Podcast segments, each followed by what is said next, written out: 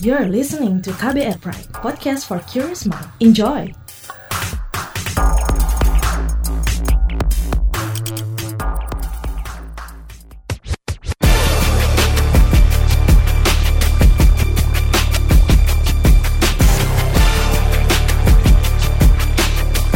Cek fakta, cek fakta, cek fakta.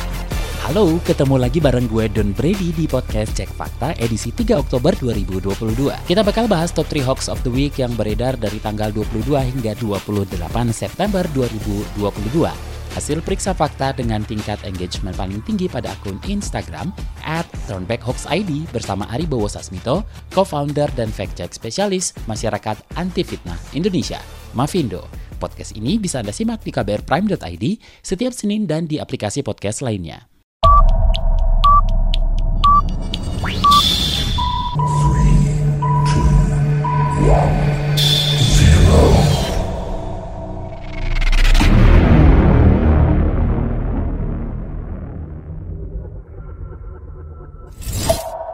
Number 3. Di posisi ketiga, PKI anggarkan 5 triliun rupiah demi muluskan Jokowi tiga periode. Jadi sebuah akun Twitter mengunggah sebuah foto yang berisi narasi bahwa Partai Komunis Indonesia atau PKI menganggarkan 5 triliun rupiah untuk memuluskan masa jabatan Presiden Jokowi hingga tiga periode.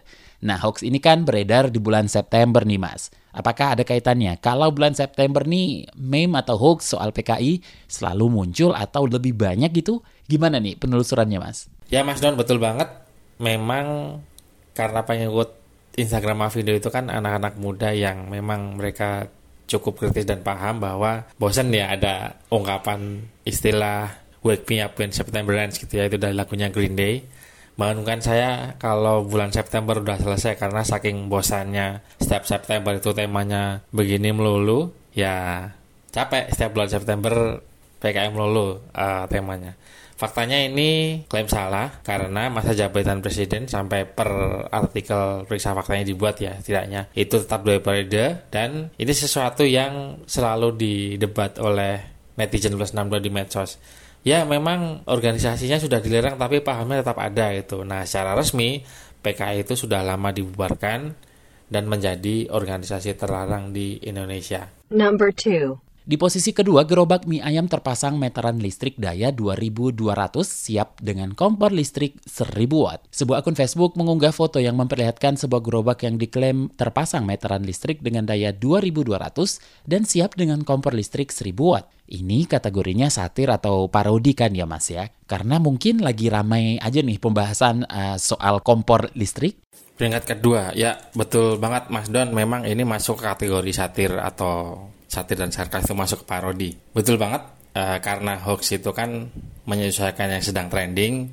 Nah, lagi ramai soal pembahasan kompor listrik, konversi dari LPG ke listrik. Jadi, itu juga yang diikuti oleh si informasi salahnya. Itu. Nah, per kita ngobrol ini rencana itu sudah dibatalkan oleh PLN gitu ya. Nah, tentu saja ini gambar suntingan karena foto gerobak aslinya itu ditemukan di situs Lokapasar atau marketplace Bukalapak. Jadi eh, seperti biasa ini bisa naik ke tiga peringkat teratas karena pengikutnya akun Instagramnya Mahido itu kan anak-anak yang mereka di rentang usia yang pasti paham kalau kayak begini ini sebetulnya buat parodi tapi sesuai dengan deskripsi dari satir parodi yang disorot episode lalu itu sudah dijelaskan panjang ya bahwa satir parodi itu sebetulnya niatnya tidak ada niat untuk merugikan tapi berpotensi untuk mengelabui. Mengelabui siapa? Ini yang suka, suka dikomentari oleh sekali lagi pengikutnya akun Instagramnya Mavindo gitu. Jangan sampai nongol di WAG bapak-bapak ibu-ibu karena bisa dikira beneran gitu. Nah, tapi sekali lagi ini intinya sebetulnya ya gambar suntingan, gambar editan karena foto gerobak aslinya itu ditemukan di situs jual beli atau Lokapasar Marketplace Bukalapak. Number 1. Di posisi pertama, perilaku PKI baru selesai sholat dihajar. Sebuah akun Twitter mengunggah cuitan berupa video seorang pria yang tengah dianiaya secara brutal dan diklaim merupakan perilaku PKI yang menghajar orang sehabis menunaikan sholat. Yap, dua hoax kita soal PKI nih mas, dan ada di peringkat 3 dan 1. Kalau yang ini penelusurannya gimana nih mas? Ya Mas Don, wake me up when September ends Mas. gitu kalau kata pengikutnya Instagram Mavindo karena udah bosen gitu ya. Nah ini hasil penelusurannya sebetulnya tidak berkaitan dengan PKI dan sholat karena faktanya pertama PKI itu kan di Indonesia gitu ya mungkin kalau mau dipaksain jadi PKPKN ya PKT karena ini peristiwanya terjadi di Thailand bukan di Indonesia terus yang kedua latar belakang peristiwanya itu tidak berkaitan dengan uh, sholat atau ibadah agama apa pun ya dalam hal ini agama Islam gitu karena aslinya ini uh, si pelaku yang eh, turut prihatin ya ini gimana pun juga kekerasan Mas Don ya uh, ini tuduhan penggelapan seorang atasan terhadap bawahannya. Nah, mereka itu sama-sama bergerak di bidang penagihan pinjaman gitu ya atau debt collector bahasa bahasa kerennya gitu. Tapi intinya sebetulnya tidak berkaitan dengan sholat dan tidak berkaitan di dengan Indonesia karena kejadiannya kalau dari 5W1 atau 5W1H atau asdi kampanye ya Mas Don. Apa siapa di mana kapan mengapa bagaimana di mananya ini bukan Indonesia. Ini kejadian di Thailand dan tidak berkaitan dengan uh, walaupun di di videonya itu kelihatan posisinya duduknya simpuh seperti orang atahiyat. Nah, ini yang dimanfaatkan oleh si penyebar hoaxnya untuk untuk membuat premis atau kesimpulan pelintiran. Kelihatannya seperti sedang duduk bersimpuh lalu dibilang ini sedang sholat ya padahal enggak gitu. Itu dia tadi top 3 hoax of the week periode 22 hingga 28 September. Mas Ari, ada yang mau disoroti dari ketiga hoax minggu ini? Ya Mas Don, uh, ya pasti ada yang mau disorot. Pertama tadi soal Wake Me Up When September Ends gitu ya.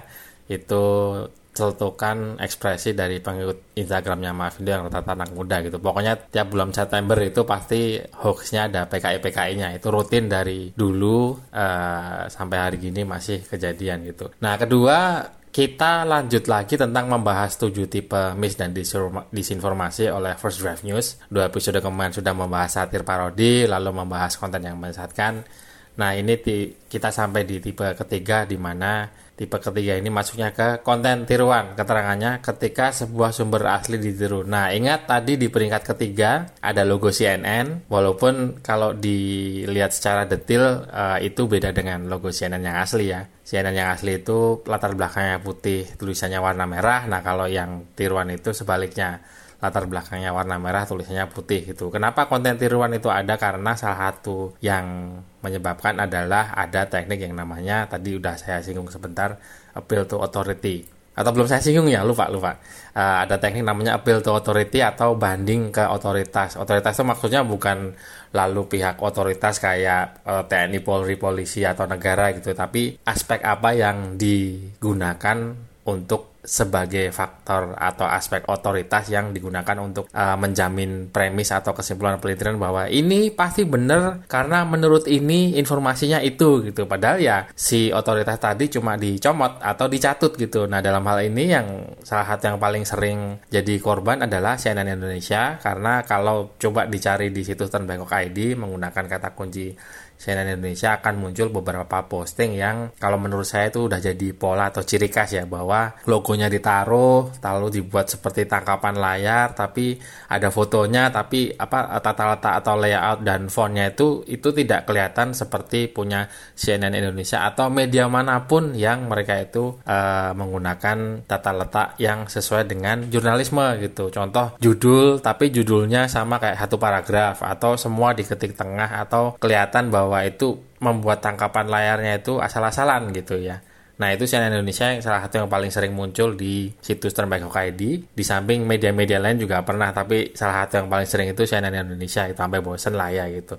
Nah itu konten tiruan ya, uh, tipe ketiga dari tujuh tipe mis dan disinformasi. Jangan lupa episode ke depan kita akan membahas tentang uh, tipe selanjutnya dari tujuh tipe mis dan disinformasi. Tipe apakah itu?